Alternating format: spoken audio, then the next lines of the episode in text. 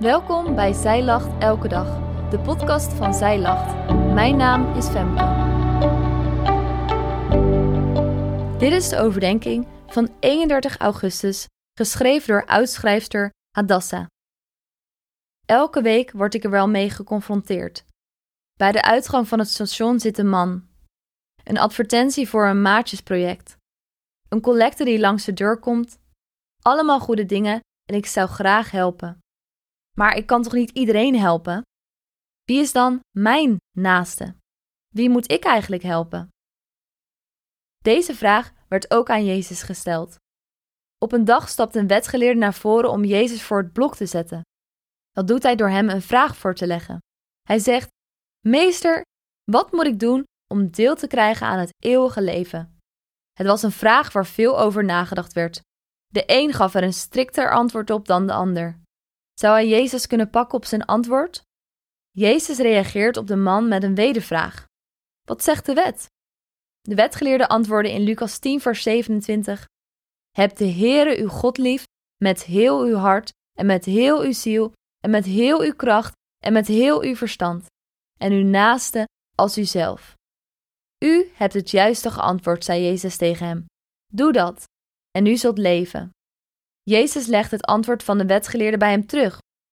Doe wat je zelf zegt. Blijkbaar gaf de wetgeleerde het juiste antwoord. Je zult het eeuwige leven ontvangen in relatie met God. En die relatie zal zich uiten in gehoorzaamheid en het handelen ernaar. Maar juist aan dat praktische handelen bleek het nog te schorten bij de man. Om zichzelf te redden stelt hij een nieuwe vraag: Wie is dan mijn naaste?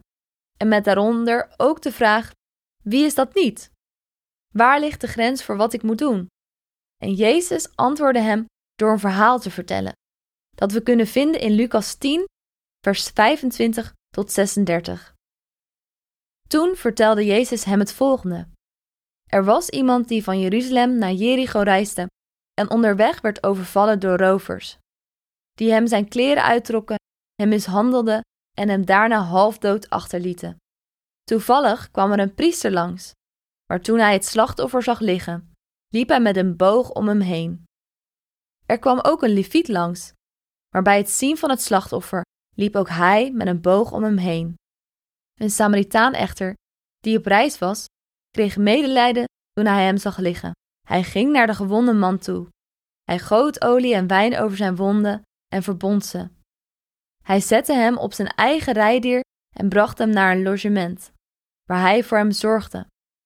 De volgende morgen gaf hij twee denari aan de eigenaar en zei: Zorg voor hem, en als u meer kosten moet maken, zal ik die op mijn terugreis vergoeden. Wie van deze drie is volgens u de naaste geworden van het slachtoffer van de rovers? Jezus antwoordt de wetgeleerde met een verhaal, om hem uiteindelijk weer een vraag te kunnen stellen. Hij draait de vraag die de man heeft gesteld om. Wie van deze drie is de naaste geworden? Blijkbaar vindt Jezus de vraag wie je wel en niet moet helpen niet zo interessant. Veel belangrijker is voor wie jij zelf de naaste bent geworden. Het antwoord op Jezus' vraag is voor iedereen duidelijk. Toch heeft de wetgeleerde moeite om het hardop te zeggen. De eerste twee mannen waren gerespecteerde Joden uit zijn eigen volk. Het was duidelijk dat zij niet als naaste hadden gehandeld. De derde man was een Samaritaan, de vijand, de laatste persoon waar je hulp van zou verwachten. Moet de wetgeleerde nu toegeven dat juist de Samaritaan medelijden had gekregen? Dat juist hij de naaste was geworden? Hij kan het niet opbrengen om het woord Samaritaan uit te spreken, dus hij praat eromheen. Dit staat in Lucas 10, vers 37. De wetgeleerde zei: De man die medelijden met hem heeft getoond. Toen zei Jezus tegen hem: Doet u dan voortaan net zo. Jezus geeft meteen een antwoord terug. Hetzelfde antwoord als hij al eerder gaf. Doe dat ook. Neem een voorbeeld aan de Samaritaan. Al is het je vijand. Want hij is de naaste geworden. Hij heeft gehandeld zoals God het voorgeschreven heeft. Jezus draait de vraag van de man om. Hij laat ermee iets heel belangrijks zien. Het kan interessant zijn om te filosoferen over wie je naaste is, om uit te gaan rekenen wie je nu wel of niet ondervalt, en of je die persoon nou wel of niet moet helpen. Maar daar gaat het Jezus niet om. Het gaat Jezus om de praktijk en of we überhaupt wel een naaste voor iemand zijn. Niet wie is mijn naaste, maar voor wie ben ik de naaste geworden?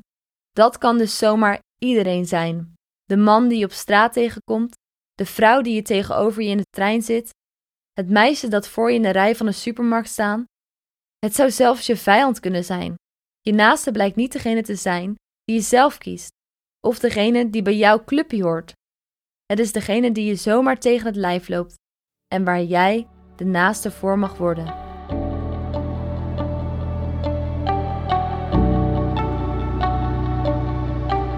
Dankjewel dat jij hebt geluisterd naar de overdenking van vandaag.